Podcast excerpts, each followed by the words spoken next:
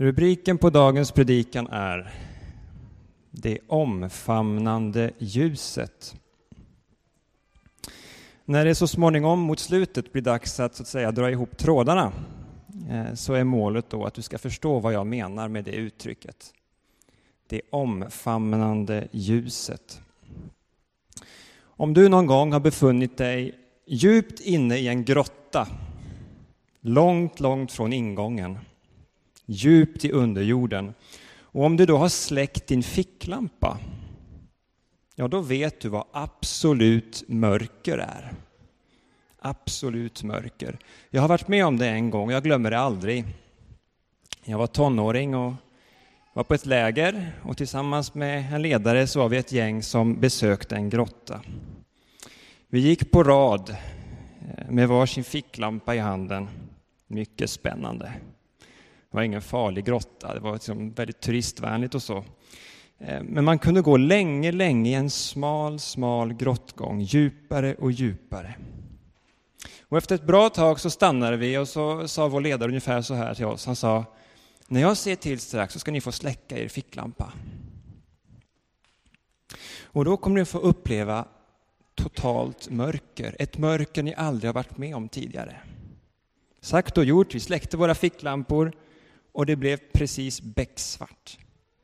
Man såg bokstavligt talat ingenting, inte ens handen framför ögonen. Det var absolut och totalt mörkt. Det här med ljus och mörker, det är ju en lättbegriplig bild som, som ofta används liksom i moraliska och filosofiska och religiösa sammanhang. Och så är det också i Bibeln. Inte minst i dagens text. Så här veckorna före jul så predikar vi om inkarnationen, det vill säga mysteriet att Gud blev människa i Jesus. Och Johannes evangeliet som vi ska läsa från nu, det börjar med den stora bilden, det stora perspektivet. Hur den som är till från evighet till evighet vid en viss tidpunkt i historien blev en människa av kött och blod. Och vi läser de första elva verserna från Johannes evangeliet. Johannes 1, vers 1 till och med 11. I begynnelsen fanns Ordet, och Ordet fanns hos Gud, och Ordet var Gud. Det fanns i begynnelsen hos Gud. Allt blev till genom det, och utan det blev ingenting till av allt som finns till. I Ordet var liv, och livet var människornas ljus, och ljuset lyser i mörkret, och mörkret har inte övervunnit det. Det kom en man som var sänd av Gud, hans namn var Johannes. Han kom som ett vittne för att vittna om ljuset, så att alla skulle komma till tro genom honom. Själv var han inte ljuset, men han skulle vittna om ljuset det sanna ljuset som ger alla människor ljus skulle komma in i världen. Han var i världen och världen hade blivit till genom honom. Men världen kände honom inte. Han kom till det som var hans och hans egna tog inte emot honom. Gudsonen, som här kallas Ordet, har blivit synlig. Och idag så står vers 9, 10 och 11 i fokus och vi läser dem därför igen. Vers 9, 10 och 11. Det sanna ljuset som ger alla människor ljus skulle komma in i världen.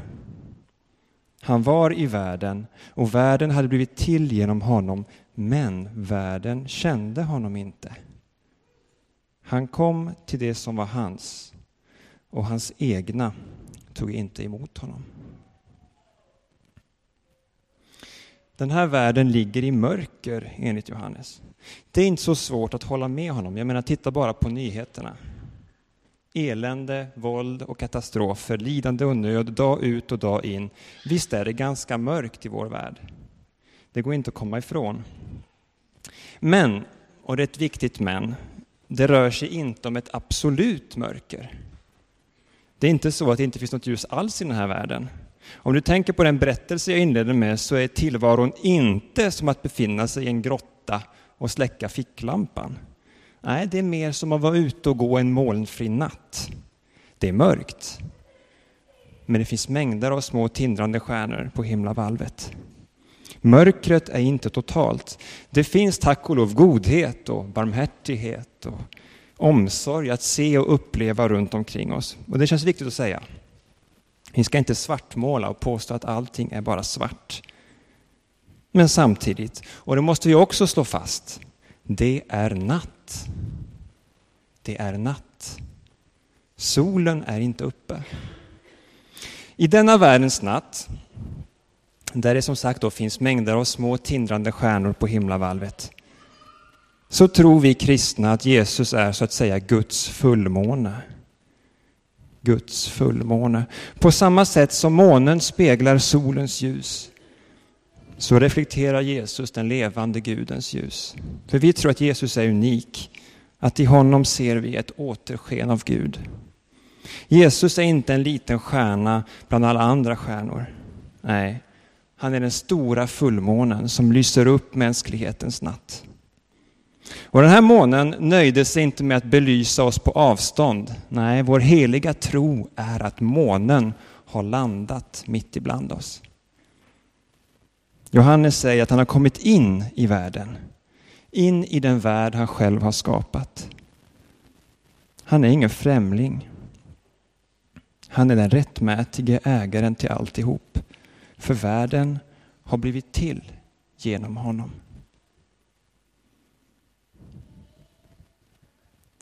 Det här att Gud är ägare och herre över hela universum, det är en tanke som är svår, svårsmält för många.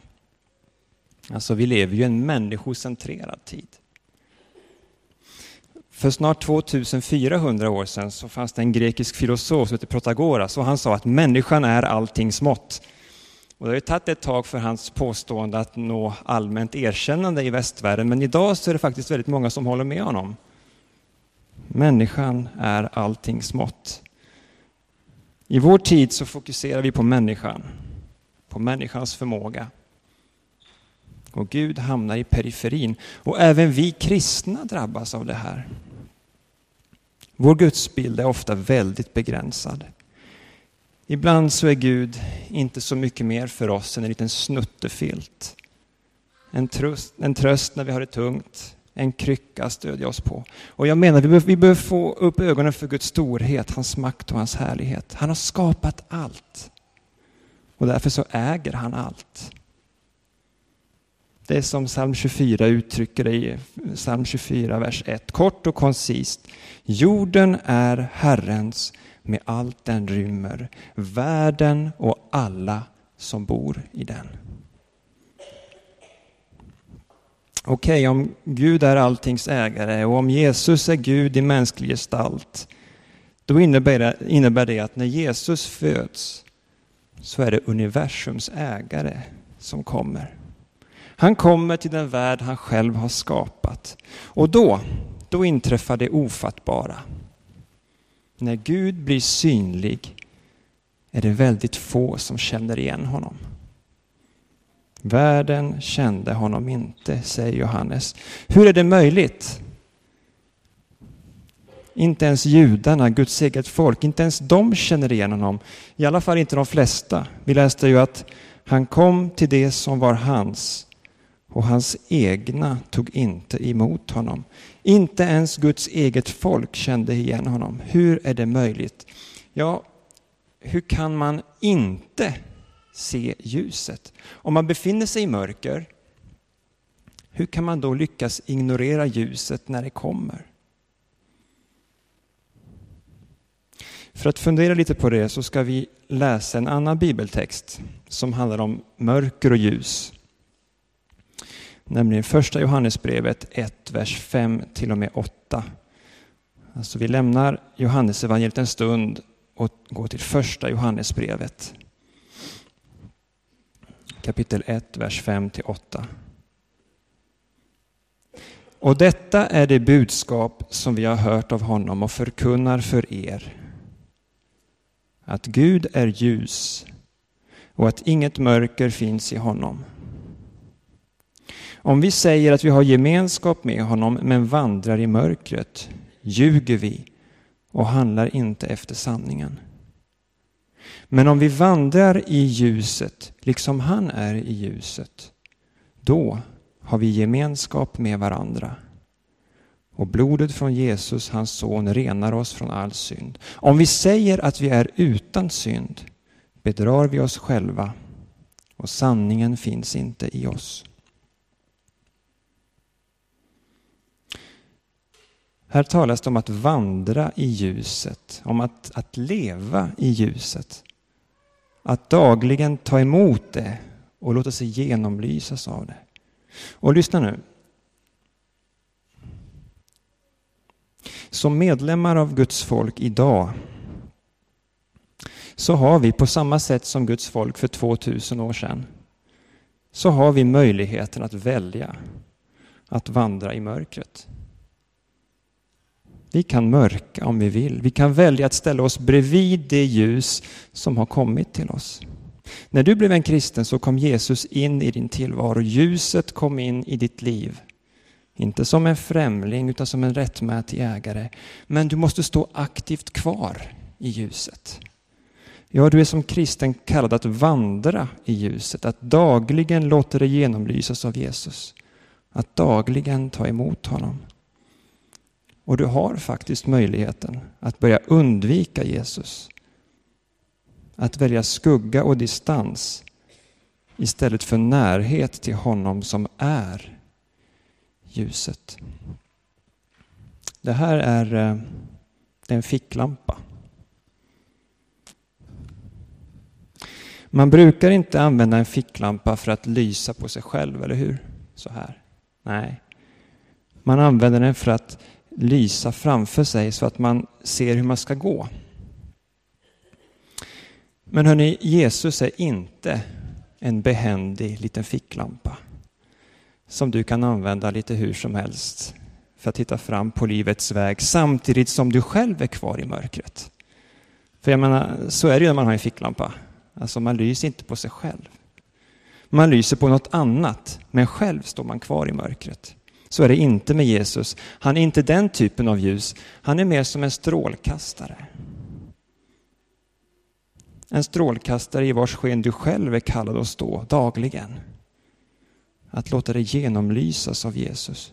Och det är därför Johannes skriver i, i sitt brev, i den text vi nyss läste, att, att den som säger att han är utan synd bedrar sig själv. För när Jesus lyser på oss, då kan vi inte mörka. Varken för oss själva eller för andra. Då blir vi genomskinliga, transparenta, öppna för varandra. Och det är nog därför, tror jag, som Johannes kopplar ihop ljuset med gemenskap. I vers 7 läste vi att om vi vandrar i ljuset, liksom han är i ljuset, då har vi gemenskap med varandra. Det där med gemenskap, det kom ju helt plötsligt, kan tyckas lite konstigt. Jaha, han pratar om ljuset och helt plötsligt så pratar han om gemenskap. Men det hänger ihop. Om vi vandrar i ljuset, om vi vandrar i ljuset, det är ett viktigt om. För om vi gör det, då kan vi uppleva gemenskap. Gemenskap förutsätter transparens, genomskinlighet, äkthet.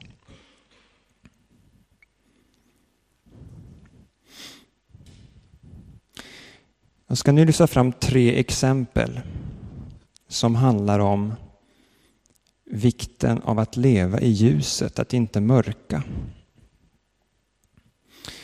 Om du som hör det här, oavsett om du sitter här idag eller om du laddat ner predikan från nätet eller lyssnar på radio, om du känner dig träffad av något av det jag säger nu så ska jag upp, vill jag uppmana dig att göra något konkret åt det. Att söka hjälp. Att lämna de dunkla skuggorna. De här exemplen de är, de är rent hypotetiska. Eh, de bygger alltså inte på någon speciell kunskap jag har om någon konkret situation eller så. Det är viktigt att, att säga. Utan det är hypotetiska exempel. Exempel nummer ett, det är ett väldigt drastiskt exempel. Du slår din hustru. Ingen vet om det. Jo, Gud vet. Sluta upp med det. Sök hjälp. Vänd om och vandra i ljuset. Ibland måste även sådana här självklarheter kunna sägas från predikstolen. Om det är så att ingen som hör det här behöver ta åt sig så är ingen skada skedd. Men om så bara en enda hustrumisshandlare hör detta så är det värt att säga ännu en gång, sluta upp med att slå. Vänd om och vandra i ljuset. Erkänn för dig själv och för dina närmaste att du har problem. Sök hjälp och glöm inte att Gud vet vad som sker i det fördolda. Exempel nummer två. Du är otrogen. Det är en väl bevarad hemlighet. Ingen vet om det. Jo, Gud vet. Sluta upp med det du håller på med. Vänd om och vandra i ljuset. En lärjunge till Jesus beter sig inte så.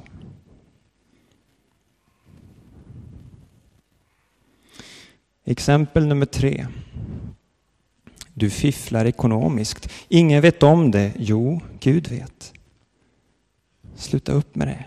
Vänd om och vandra i ljuset. En lärjunge till Jesus ägnar sig inte åt ekonomiska oegentligheter. Det här var tre ganska extrema hypotetiska exempel ehm, på vad det kan innebära att, att som kristen vandra i mörkret fast man egentligen tillhör ljuset. För de flesta av oss så är frestelsen mindre dramatisk. Den handlar om att balansera mellan ljus och mörker på gränsen. En del av mig i mörkret, en del av mig i ljuset. Det kanske inte ens är medvetet.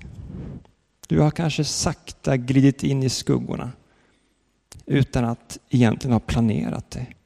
Helt plötsligt så upptäcker du att Jesus är på väg att bli en främling för dig. Helt plötsligt upptäcker du att du är på väg att glida bort ifrån honom.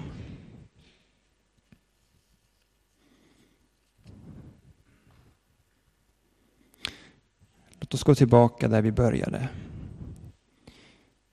I Johannes evangeliets första kapitel.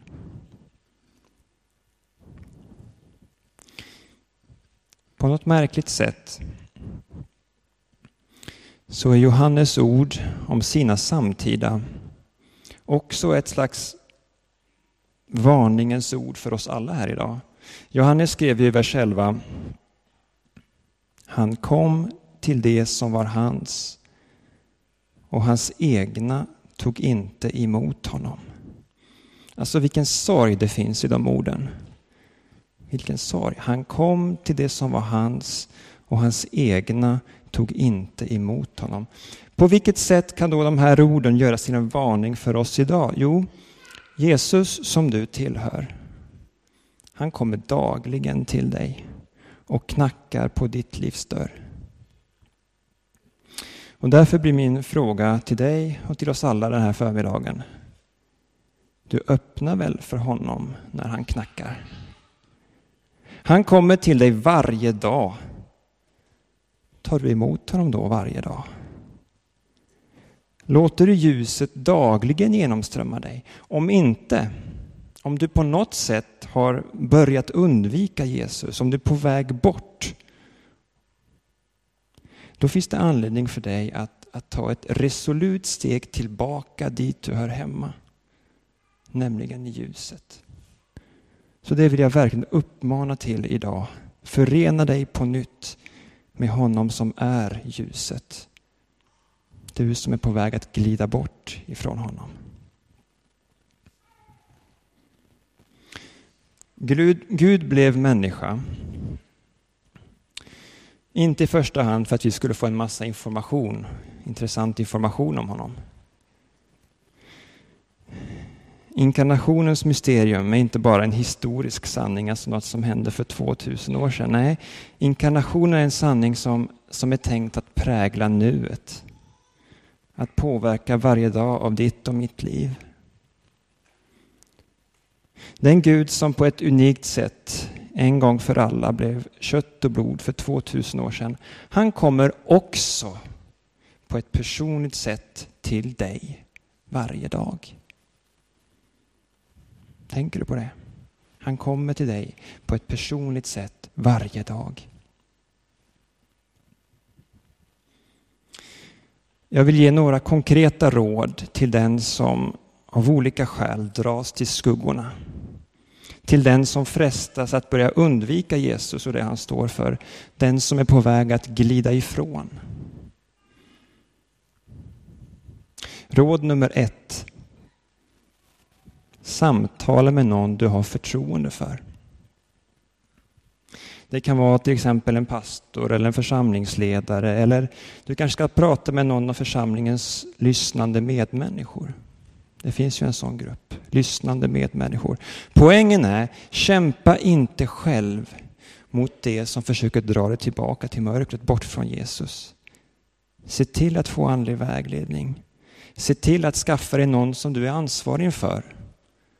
Någon som du har gett mandat att fråga dig, hur står det till egentligen med det som, som, som drar dig, som, som du brottas med, det som vill dra dig från Jesus? Min poäng idag är ju inte att man ska berätta allt för alla. Det handlar inte om någon slags offentligt blottläggande av allt som finns i oss. Det vore ganska osunt. Men om man brottas med något, om man har problem med någonting som drar en från Jesus, då är det en hjälp att öppna sig för en klok medvandrare på livets väg. Det är en hjälp att få stå tillsammans med någon i ljuset och säga sådant är mitt liv, så här ser det ut. Det var råd nummer ett. Råd nummer två, sluta inte gå på gudstjänst. Det finns någon slags konstig frestelse som går ut på att om vi brottas med något, om vi har det svårt eller inte mår bra, så slutar vi gå på gudstjänst för vi känner oss inte värdiga. Det är fel tänkt. Lyssna inte på den frestelsen. När vi brottas med något, då behöver vi mer än någonsin gå på gudstjänst. Okej, okay, det kan vara jobbigt. För ljuset från Jesus lyser som starkast när vi samlas i hans namn. Att gå på gudstjänst är att utsätta sig för ljuset, för Jesu närvaro. I gudstjänsten så kan Jesus peka på det som behöver åtgärdas och det kan vara obehagligt. obehagligt. Men om det är så du känner så vill jag uppmana dig att härda ut i gudstjänsten. Härda ut i den gemensamma bönen. Härda ut i lovsången, härda ut i undervisningen, härda ut i den regelbundna nattvarden. Dra dig inte undan. Det finns ett beskydd i gudstjänsten. Det finns befrielse att få i gudstjänsten. Om du slutar komma så blir det däremot väldigt lätt en negativ spiral och du hamnar längre och längre från Jesus. Råd nummer tre. Umgås med andra troende, till exempel i en cellgrupp. För dig som inte vet det så är en cellgrupp en liten grupp kristna som träffas regelbundet för bön och gemenskap och inbördes hjälp. Det är liksom svårt att ha nära relationer så här en söndag förmiddag i bänken. Man behöver en mindre grupp. Och inom parentes, jag vet av personlig, av egen erfarenhet hur svårt det kan, få, det kan vara att få till det här med en cellgrupp.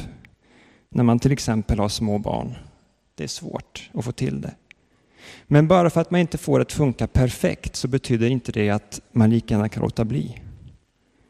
Eh, resonera inte i termer av antingen eller när det gäller det här. Poängen är, du behöver andra troende i din närhet för att få hjälp att fortsätta leva i ljuset.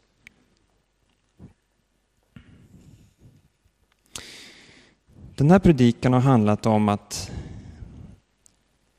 Jesus, Gud själv i mänsklig gestalt, är denna världens ljus. När du blev en kristen så kom detta ljus in i ditt liv.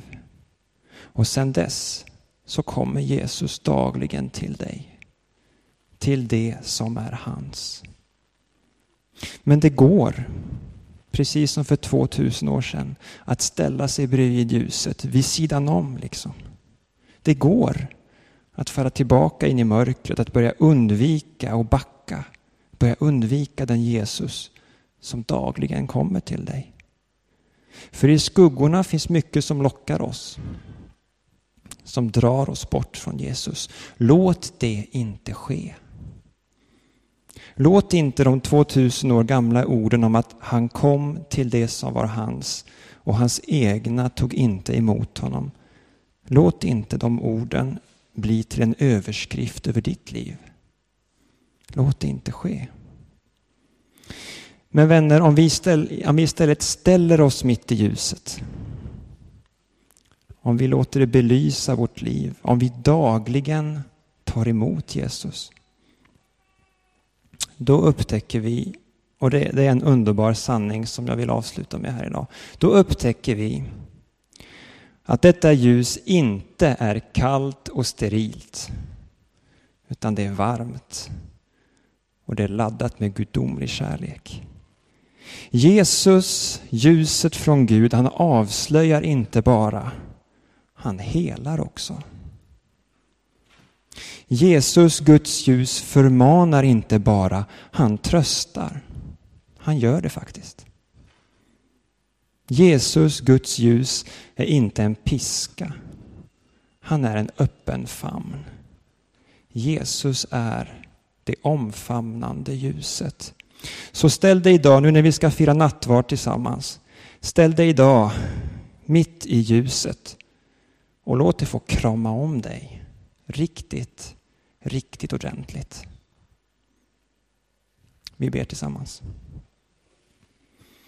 Tack Herre för att du är världens ljus. Men tack för att du också är var och ens ljus. Tack för att du har kommit in i våra liv. Vi har fått ta emot dig, du som är ljuset. Och jag vill speciellt be den här söndagen för den som håller på att glida ifrån. Den som av olika skäl på något sätt är på väg in i skuggornas land. Tack att du är det omfamnande ljuset. Tack att vi får alla här nu den här förmiddagen på nytt ställa oss i ditt ljus. Att vi på nytt får säga Gud, lys på mig. Kom till mig. Tack att du är det omfamnande ljuset.